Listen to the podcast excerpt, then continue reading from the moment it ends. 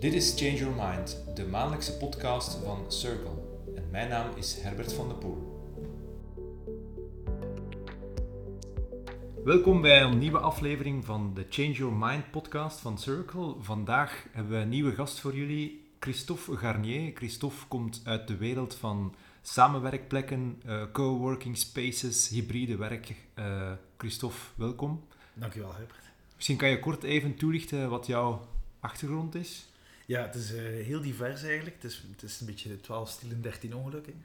Um, ik ben eigenlijk achtlager onderwijs. Um, dat heb ik maar één jaar gedaan.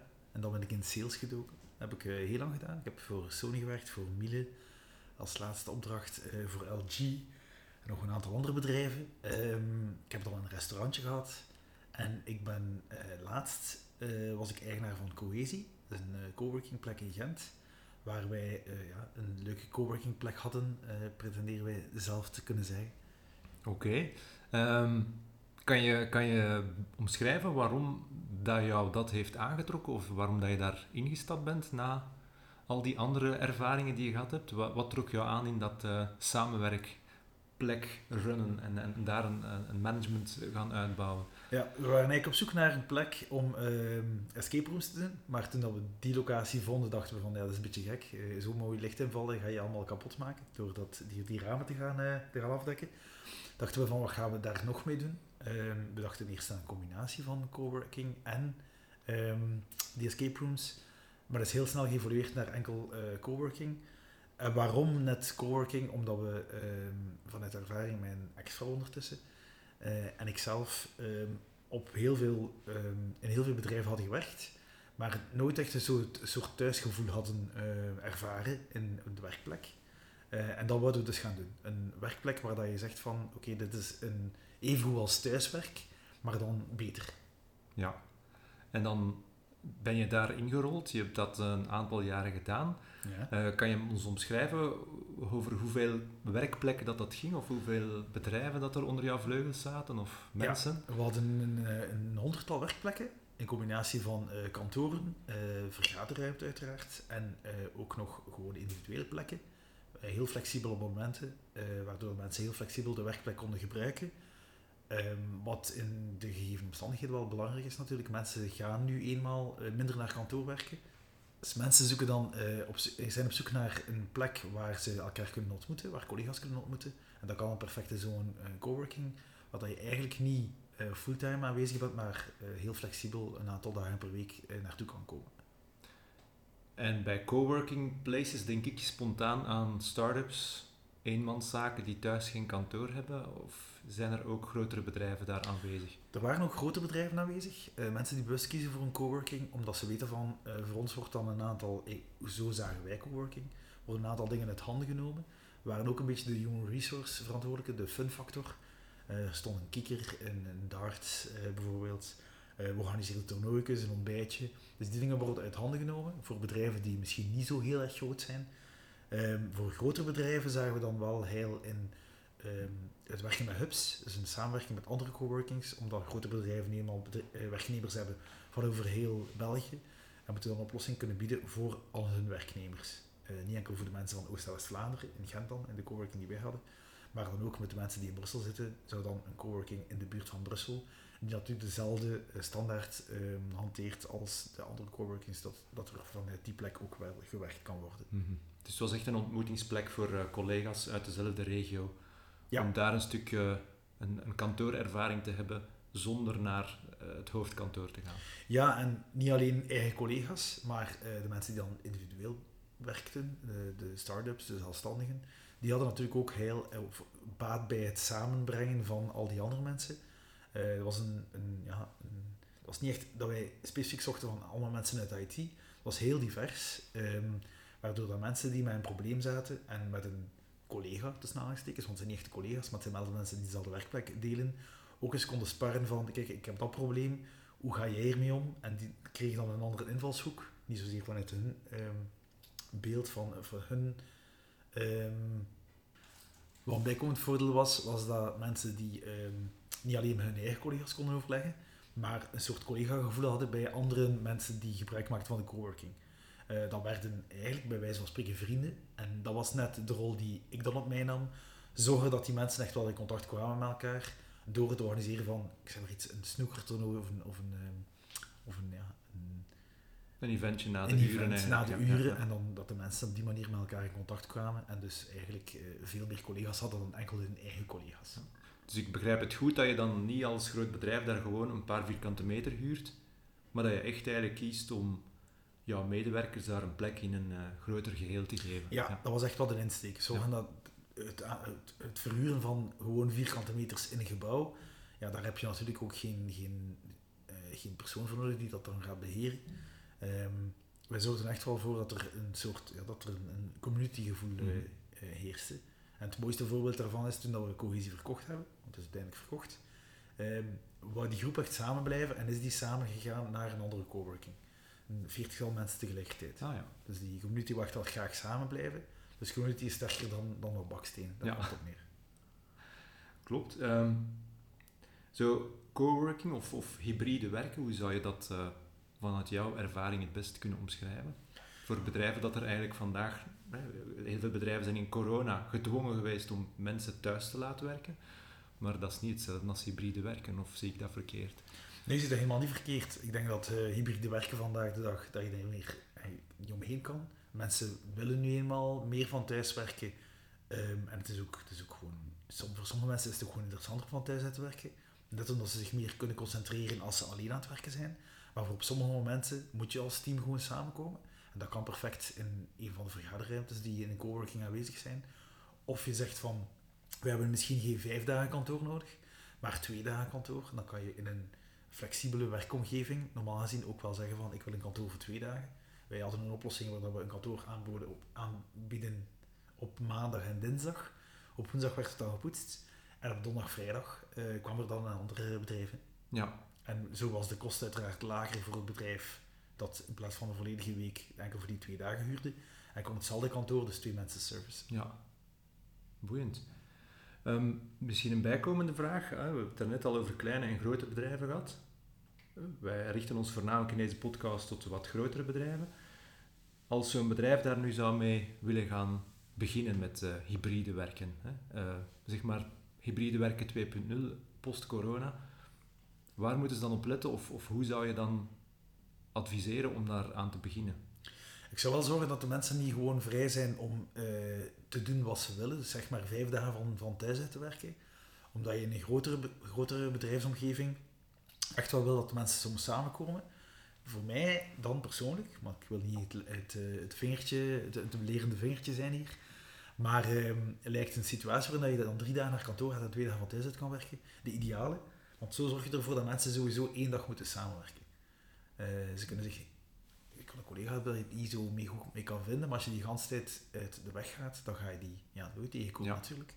Dus die drie dagen uh, kantoor of, uh, of werkplek, coworking plek, en twee dagen van thuis uit lijken mij ideaal. Waarin dat je dan op die twee dagen specifiek de zaken gaat doen waar dat je perfect alleen mee voort kan. En waar dat je de andere dagen wel zeer nuttig besteedt met, met vergaderingen die, die dan... Het heeft geen zin volgens mij om mensen bewust en verplicht te gaan naar kantoor brengen en zeggen van nu moet je naar kantoor komen. Als dat dan is om heel de dag achter een computer te zitten en je eigen werk te doen, ja, dan, dan trekt jouw work-life balance ook uit elkaar. Hm. Dus ik denk dat, dat een bedrijf dat nu meegaat in de toekomst, dat zegt van ik wil klaar zijn voor de toekomst, dat je flexibel omgaat met het thuiswerken, eh, om de mensen de, de, kans te geven om met hun work-life balance beter in balans te houden, maar er wel voor ze faciliteert om te zorgen dat ze dan, op het moment dat, dat ze dan samenkomen, dat ze die nuttig kunnen besteden met collega's. Ja. Dus dat je eigenlijk echt wel kijkt naar de, de teamagenda of de projectagenda die op dat moment voor ligt Klopt. en dat je in functie van die agenda mensen samenbrengt. Ja. Ja. En dat dat voor mensen Ja. ook fijner is om te weten van oké, ik ga nu, ik doe nu de trip zeg maar, van Gent naar Brussel. Dat is niet zo de tofste trip van de wereld natuurlijk. Hm. Ehm, maar dat dat bewust is van, weet, dat ze weten van oké, ik weet dat ik dan mijn collega's kan zien en ik weet dat het nuttig besteden tijd zal, best- besteden tijd zal zijn. En dat is misschien dan ook een moment om allerlei andere telefonische afspraken of online meetings op dat moment eh, te schrappen uit je agenda. Dat is wel, want fysieke meetings nog altijd. We, hebben, we zijn het heel gewoon geworden tijdens corona om, om elkaar online te zien. Maar niks gaat ook boven fysiek contact. Ik denk dat je heel veel meer bereikt door fysiek met een collega samen te zitten. Eh, dat er ook veel meer wordt besproken op die manier dan in een online meeting. Zeker als dat een heel grote meeting is, dan, je kent het waarschijnlijk zelf, een meeting met 20 man, daar zit drie man iets die iets zegt, 17 man die Mhm. niks aan het zeggen is. Ehm, als dat online gebeurt, als dat fysiek gebeurt, kan je mensen ook aanspreken, van, wat is, jouw, wat is jouw standpunt erin? Klopt. En is zo'n coworking space dan daar ook speciaal op voorzien om, om eh, nuttige tijd door te brengen samen als collega's? Ja, bij ons was het al sinds zo dat er van de ehm 1200 vierkante meter was er twee derde ruimte voorzien voor gemeenschappelijk gebruik. Een derde was ingevuld als priva private kantoorruimte. Dus wat gebeurt er in die, in die algemene ruimte? In die eh, gedeelde ruimte, dat waren eh, dus vergaderruimtes enerzijds, maar ook een, een, een keuken waar de mensen elkaar konden ontmoeten. Eh, heel veel informele ontmoetingsplekjes, zodat mensen, niet, niet iedereen past in hetzelfde hokje. Dus Mhm. iemand, één persoon zal veel meer baat hebben in meetingruimte, afgesloten met een scherm en zijn presentatie kunnen geven. Een andere heeft veel meer baat bij een informele babbel, in een leuk hoekje met wat planten rond. Ehm, dus is er voor elk wat wils. En ik denk dat als je een coworking wil opstarten, of als je je bedrijf of je kantoorruimte wil omvormen tot een grote ruimte waar mensen elkaar kunnen ontmoeten, dat je moet zorgen dat iedereen geserviced wordt door die ruimte. Ja. Dus dat je die zo divers mogelijk moet gaan inrichten. Ja. Daarnaast hadden we natuurlijk ook digitale schermen die dan konden gebruikt worden voor, eh, voor allerhande presentaties. Een, eh, een grote conferentieruimte als er een grote meeting moest gegeven worden. Ehm, dus dat zijn allemaal zaken die, die, die ik zou meenemen in het verhaal. Ik vorm mijn kantoorruimte om tot een hybride werkruimte. Of ik eh, heb een te grote ruimte momenteel, want ik heb te, veel werknemers, te weinig werknemers die naar kantoor komen. En ik doe de combinatie van, oké, dit is voor mijn eigen werknemers, maar ik doe daarnaast ook eh, de coworking activiteit Ja. voor andere Ja. bedrijven. Want ik kan me wel aannemen, of inbeelden beter gezegd, dat als je als groot bedrijf die stap wil zetten hè, naar een meer hybride manier van werken, Ja. Je een aantal keuzes hebt. Hè. Je kan eh, sowieso, doordat het feit dat iedereen minder op kantoor aanwezig is, komen er vierkante meters vrij. Tenminste in het Excel-rekenblad dan toch, hè, want Ja. iedereen is maar twee of drie dagen op kantoor. Langs de andere kant, als je je hele kantoorgebouw daardoor zo moet gaan inrichten, kan ik me inbeelden dat je de keuze moet maken, ga ik dat zelf doen? Ja. om het zinvol in te richten, herin te richten, met minder vierkante meter? Of ga ik een stuk van mijn kantoorruimte afstoten en ga ik dus bijvoorbeeld in elke provincie, ik zeg maar wat, eh, een regionale hub eh, huren of, Ja. of, of laten inrichten door, door mensen zoals jij? Ja, klopt. Dat is een keuze die, die moet gemaakt worden, waar dat, eh, mensen zich kunnen laten bijstaan uiteraard, door Circle onder andere. Of een keuze die ze zelf moeten gaan nemen. Wat ik altijd merk in een veranderingstraject, is dat de keuze die ze nemen moet gedragen worden, niet alleen door, door het management, want zij moeten er sowieso achter staan, anders gaat het helemaal niet lukken, maar ook ehm, van onderuit. Als je Mhm. verandering wil doorvoeren, ben je best dat die altijd van, van onderaan start. Mhm. Eh, als je een nieuw product lanceert bijvoorbeeld, heeft het geen zin vanuit een niveau door te beslissen van we gaan dat nu gaan doen. Als het blijkt dat heel het proces doorlopen wordt en onderaan zeggen ze ja maar dat werkt helemaal niet, dan, dan kan je terug naar, eh, terug naar de gevangenis. Ga niet lang starten, ga terug naar de gevangenis. En ik kan me ook inbeelden dat, dat de job om, om dat dan zo efficiënt mogelijk dagelijks in te, runnen, eh, in te richten, beter gezegd, of te runnen. Je haalde daar net al aan om bijvoorbeeld twee dagen voor bedrijf X en dan de twee laatste dagen van de week voor bedrijf Y, dat dat ook een job aan zich is. Ja, en dat bedrijven dat vandaag ook niet in hun, in hun rangen hebben, mensen die daarover waken. Nee, klopt. Voor mij was dat al sinds eh, meer dan een fulltime job. Ehm, Maar als je iets met heel veel plezier doet en met heel, heel veel hart doet, dan, dan, eh, dan is dat op zich geen probleem. Maar als je als bedrijf zegt van we gaan die keuze maken, dan ben je best inderdaad een specialist daarvoor. Ja, ook qua geografische spreiding neem ik aan dat je moet gaan kijken, ja, wie ga ik waar stationeren ehm, of wie kan waar naartoe. Er zijn wellicht ook formules dat je over heel België terecht kan. Ehm, maar dat is een beetje, een beetje afhankelijk natuurlijk van het werkgebied of het eh woongebied van de collega's. Ja. Inderdaad, veel hangt af van waar de mensen allemaal wonen. Hè. Misschien nog eh, even blijven stilstaan bij de voordelen van zo'n shared office of coworking.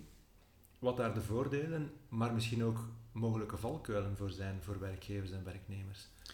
Ja, naar mijn aanvoelen zijn er alleen maar voordelen. Natuurlijk, ik, eh, het is zoals de, de pastoor die in de kerk eh, Ja. preekt. Ehm, veel hangt af van je werknemers. Als zij er geen gebruik van maken, is het een verloren kost. Ja. Ehm, maar als de coworking goed is ingericht en ze faciliteert in al de zaken die ze moeten doen, dan zal het alleen maar een, positieve bijdrage leveren. Ze zitten niet alleen thuis te werken, Eh, ze zien ook andere mensen, collega's, niet-collega's. Ehm, en doordat er heel veel activiteiten worden georganiseerd, of dat ze toch moeten, gaan zij zich ook veel meer binden aan dat bedrijf. Als ik een voorbeeld mag geven, een van de bedrijven die bij ons zaten, ehm, liet mij weten dat zij ehm, in de War for Talent, dat zij eigenlijk makkelijker mensen vonden door het feit dat zij in die coworking zaten. En zelfs dat de, de salariseisen, dat zij konden wedijveren met de, de grote bedrijven die in die markt uh, meer uh, werden aanboden. Dus de, de huidige generatie zit niet meer te wachten op ik wil zoveel mogelijk geld verdienen. Natuurlijk, dat is altijd fijn. Ze zit niet te wachten op ik wil die bedrijfswagen, maar willen gewoon een leuke werkomgeving, flexibele werkuren. Dat zijn mhm. allemaal zaken die veel belangrijker geworden zijn vandaag de dag. En daarvoor zit hij dan perfect in de coworking. Zeker als je jonge um, graduates zoekt, of jonge, jonge gasten zoekt die juist van, van de schoolbanken komen, die gaan meer geneigd zijn om in een leuke werkomgeving te gaan werken, voor iets minder geld misschien. Maar uh, dat is gewoon belangrijker geworden vandaag de dag. Ja. En dan misschien als nadeel zou je kunnen bedenken dat een werkgever zegt, ja maar ik wil die mensen kunnen zien, ik wil die fysiek onder mij kunnen zien werken, want anders zijn ze misschien niet productief. Dat is de vraag inderdaad van, is dat dan de juiste mindset? Is dat dan nog uh, in lijn met de realiteit of met de veranderende wereld? Want de wereld verandert constant.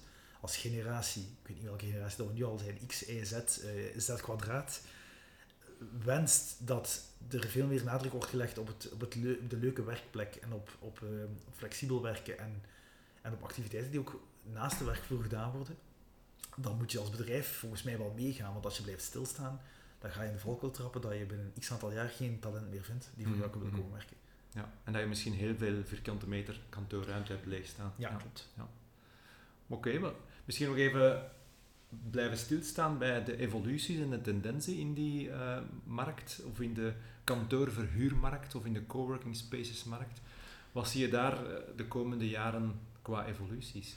Wat ik gemerkt heb tijdens de periode bij Cohesie, is we hebben een aantal keer een aanbod gekregen om kijken, kan je van dit kantoorgebouw ook een coworking maken? Je merkt dat er eigenlijk twee types kantoren zijn momenteel. Je hebt ofwel de kantoren die top-notch zijn, die ook wel heel duur verhuurd worden, maar die raken verhuurd, dat is geen probleem. Je hebt dan de kantoorruimtes van, ik zeg maar iets 20, 30 jaar geleden opgebouwd, die niet meer voldoen aan alle, ehm, ja, aan alle normen die er vandaag zijn, deels door COVID, met naar ventilatie toe enzovoort. En die raken heel moeilijk verhuurd. En het is voor die, dat tweede type kantoor dat een coworking perfect zou zijn. Omdat je daar dan, doordat je eigenlijk aan de basis ook iets meer vraagt aan persoon X of Y om die werkplek te gebruiken. In de ruil natuurlijk voor heel goed materiaal. Ehm, ja, alle, alle toeters en ballen zijn aanwezig. Je hebt ook uh, die activiteiten die erin zitten enzovoort. Kan je net die investering gaan doen om dat, om dat kantoor te gaan turnen tot, tot een kantoor dat wel voldoet aan, aan alle normen van, van ventilatie enzovoort. Ja. Dus ik zie wel dat daar, ik denk dat er die, de kantoorgebouwen die nu gebouwd worden, dat die volledig in orde zijn dat die 100% eh, voldoen aan alle normen die er maar zijn, dat die ook heel duur verhuurd worden.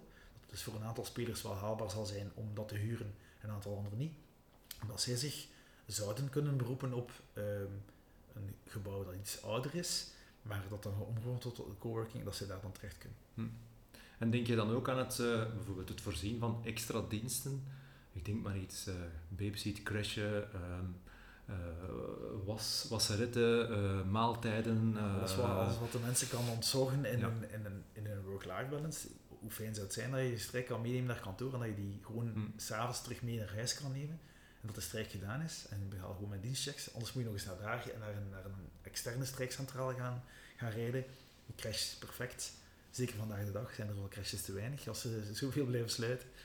Dus ik denk dat daar heel veel mogelijkheden zijn en dat creativiteit is het, gaat om, het gaat erom dat de, de uitbater van de coworking, of de uitbater van het kantoorgebouw, hoe creatiever die is, en hoe meer dat die luistert vooral naar wat de mensen nodig hebben, daar gaat het om. Mhm. Wat hebben de mensen die bij mij zitten nodig? En dan ga je mee met je macht. Dan, die macht verandert, die vraag verandert. Dus als je je kan aanpassen naar die veranderde vraag, dan zit je volgens mij proze. Ja. Oké. Om even in mijn eigen ervaring uh, te putten, of uit mijn eigen ervaring te putten, het vorige project dat ik zelf heb begeleid, maar op een gegeven moment op zoek echt naar, een, naar een, wat we typisch in projecten noemen een war room, waar iedereen gelijktijdig uh, bij elkaar komt, één dag in de week, een halve dag in de week, om bepaalde activiteiten rond dat project te doen, beslissingen te nemen. Maar die eigenlijk voor de rest van de week quasi niet gebruikt wordt, namelijk enkel nog door een aantal kernleden van dat project. Ehm, hoe, wat, voor mij als projectmedewerker op dat moment belangrijk is, is natuurlijk dat ik enerzijds weet, één, die vierkante meters zijn daar ter beschikking, want. Daar moet 20 of 30 man komen om, om bepaalde testings te doen of bepaalde instructies uit te schrijven. Twee, de displays of de visuals of de schermen of de, de ruimte moet er zijn om ideeën eh, te spuien, om, om, om flipcharts op te hangen en dergelijke meer. En drie, ik moet daarna misschien in een beperkte ruimte verder kunnen met alles wat we gecreëerd hebben in die dagen Ja. of in, op die ene dag. Dat moet daar kunnen blijven hangen, dat moet, maar ik heb dan misschien die vierkante meter niet meer nodig. Mhm. En daarvoor heb ik in mijn eh, vorige project niet direct de, de juiste setting voor gevonden. Is dat iets wat typisch, wat jij ziet van, ah, ik zou dat zo aanpakken? Ja, helemaal. Hè. Dus dat was eh, helemaal 100% omschrijving van wat wij deden. Iedereen had zijn kantoor. Als je zegt van, eh, voor ons kernteam hadden we, zeg maar, zijn met vier mensen. Dat was een kantoor van vier voldoende. En voor die ene dag had je dan gebruik kunnen maken van een grote conferentieruimte die ter beschikking was, die je voor één dag afhuren. Eh zodat je die conferentieruimte natuurlijk niet de ganse tijd nodig hebt, enkel die ene dag, specifiek. En dan de rest van de, van de, van de tijd zit je gewoon in je kantoor. Hm. Die conferentieruimte of die meetingruimtes bij ons waren ingericht met eh, alle toeters en bellen, en een, een Full HD eh, beamer, whiteboards enzovoort. Dat, je die, dat is het gedeeld gebruik is een groot voordeel in coworking. En dat zou dan perfect een oplossing geweest zijn voor jullie. Als je zegt gedeeld gebruik, dan denk ik ook altijd aan eh, mindere kosten dan wanneer ik het zelf zou moeten gaan doen. Of wanneer ik effectief zelf zo'n volledige ruimte voor een week of een paar weken Ja, eh, moet gaan huren. Ja, Ja. Als, je dat als, als je zegt van ik heb een conferentieruimte fulltime, dan moet je die vierkante meters gewoon gaan huren op jaarbasis. Bij ons, als je zegt van twee wekelijks hadden we een meeting met 30 man, al dan huur je dat gewoon twee keer in de maand huur je dat gewoon af. Hm. En dan is die kost uiteraard lager, omdat die ruimte ook op andere momenten gebruikt wordt. Ja. Dus het optimaal gebruik maken van ruimte door het te laten gebruiken door zoveel mogelijk verschillende mensen. En die kost wordt dan gedeeld door die verschillende mensen. Daar Ja. komt het eigenlijk op neer. Dat Oké. is super simpel. Hè? Ja, eigenlijk wel. Hoe weet ik eigenlijk als bedrijf, ik heb behoefte aan een coworking space? Dat vraag ik me af. Hè? Want dat kan vanuit verschillende triggers komen. Je kan heel projectmatig gedreven zijn. We hebben plotseling nood aan een extra ruimte of een, functionele ruimte. Of misschien eerder vanuit een HR-beleid. We gaan, we gaan anders inzetten op het verlonen van onze mensen. Of misschien nog andere criteria. Wat zijn volgens u de criteria waaraan dat een bedrijf weet van oké, ik moet nu naar een coworking gaan kijken. Ja, vooral als je zegt van ik heb sporadisch ruimte extra nodig. En dat is op gezette tijdstippen. Ik zeg maar iets, één keer in de maand komt het hele team samen met 30 man. Die kunnen dan inderdaad, die kan die zelf niet gaan servicen in je kantoor. Want dat is dan, ofwel is het, kan er 30 man in je kantoor, maar dan is het eigenlijk voor de andere dagen te groot. Dus dan kan je beter zeggen van ja, we hebben die ruimte eigenlijk maar sporadisch nodig. Dan kan je gaan kijken naar een coworking. Je kan zoals je zelf ook zegt van, gaan kijken van oké, we willen voor onze werknemers een een leukere werkomgeving gaan scheppen of gaan, gaan aanbieden, omdat dat net andere, andere personen kan aantrekken, ander talent kan aantrekken. Of dat mensen dat echt zien als zijnde tof. Ik kan hier na de werkuren nog iets drinken bijvoorbeeld. Wel bijvoorbeeld elke maand een, een drink, een after-work drink. Dat is heel fijn, dat is heel populair ook Mhm. altijd. Ehm, dat, zijn, dat zijn zaken die, die je als bedrijf kan gaan, gaan kijken van oké, is mijn ruimte die ik nu heb, is die te groot geworden tijdens de dag? Of tijdens de maand heb ik, hoeveel, hoeveel bezetting heb ik eigenlijk? Ik heb 30 werkplekken, maar er zit eh, van de 20 werkdagen zit er maar ehm, op, op 16 dagen zit er vier man en de rest zit, het vol. Dan is jouw kantoor eigenlijk te groot. Dan kan je de berekening gaan maken van wat zou de kost zijn. Als je gaat kijken naar een coworking en je gaat kijken van oké, ehm, de kost per persoon en je gaat dat alleen oplijsten en afzetten ten opzichte van je huur, ga je altijd duurder zijn in een coworking. Waarom? Dat je niet alle kosten bij in oogschouw neemt. Als je Mhm. gaat kijken van wat kost het printen mij, wat kost de elektriciteit mij, wat kost water mij, dan heb je pas een du- duidelijke vergelijking. We hadden een Excel-sheet opgemaakt voor bedrijven die bij ons kwamen polsen, om te kijken van zou het interessanter zijn om naar de coworking te komen. En daarin liet ik hen wel alle kosten invullen. Ze moesten dat niet, voor, ze moesten mij niet door, dat niet doorsturen, maar dat was wel een sheet waar ze zeiden van oké, per persoon kost het bedrijf, kost het kantoor dat ik nu heb mij zoveel, maar dat was een eerlijke vergelijking. En ze kwamen altijd goedkoper uit met de coworking. Ja. Net omdat er heel veel kosten gewoon gemeenschappelijk zijn. Ja. Ja, dat klopt. in richting van bureaumateriaal. Ehm, ja, het comfort, eh, elektrisch goed verstelbare bureaus, ehm, een groot werkoppervlak. Ja, alles, alles wordt voor jou gedaan. Dus je bent Hm. helemaal ontzocht ook. Eh, misschien als laatste vraag. Aan wat kan je een goede coworking space herkennen, volgens jou? Zeer persoonlijk natuurlijk. Ehm, wat ik vind is dat, dat die moet voldoen aan de hoogste standaard. Wat bedoel ik daarmee? Ik ben in, in New York een aantal coworkings gaan bezoeken. In aanloop naar de opening, of in aanloop naar, naar de opbouwfase van, van eh, de toenmalige coworking die ik had. En daar op een moment was een zeer frappant beeld, was iemand van 1,60 meter. Naast iemand van, denk ik, 2 meter en 10, want die was veel groter dan mij. Eh, aan het werken aan hetzelfde bureautje, dezelfde stoel. En de ene persoon zat bijna op zijn, op zijn tippen en de andere moest zich echt bukken. Ze hebben gevraagd van, ja, wat zou voor jullie de toegevoegde waarde zijn van een hoogteverstelbaar bureau? En ze zeiden, ja, dat zou immens zijn. Dus daar al vind ik, dat is de standaard, elektrisch hoogteverstelbaar bureau. Eh, en daarnaast moet er, moet er gewoon ook moeten er activiteiten georganiseerd worden. Je kan niet zeggen, je kan dat wel natuurlijk, maar dat is dan geen coworking in mijn, in mijn ogen. We hebben hier 1000 vierkante meter en we maken er 20 kantoren van 50 vierkante meter van. Dan ga je ook die, die synergie of die, die, die, ehm, die cohesie, zoals ik het noemde dan, eh, niet, gaan, niet gaan verkrijgen. Je moet ergens een beetje... De persoon die er zit, moet de zaken organiseren en die is dan de lijm tussen al die bedrijven. En die zorgt ervoor dat als iemand zegt van ik heb een, een roll-up banner nodig, die direct kan linken, ah, maar we kennen hier iemand, bij cohesie, of bij de persoon bij, in de coworking, die, daar aan, eh, die aan jouw vraag kan voldoen en je connecteert die met elkaar. Mhm. Dat is hoe dat ik vind dat een coworking zou moeten werken. Ja. En hoe dat ik gezien heb in de praktijk dat het ook werkt. heeft gewerkt, ja. Ja. Oké, Christophe. Bedankt voor jouw komst en jouw bijdrage. Ik vond het zeer interessant. Ik vond het heel fijn om hier te zijn. Bedankt voor de uitnodiging. Dit was Change Your Mind, de maandelijkse podcast van Circle. Bedankt voor het luisteren. Alle info over deze podcast vind je terug op onze website circle.be-podcasts. En Circle schrijf je met de S van strategisch veranderen.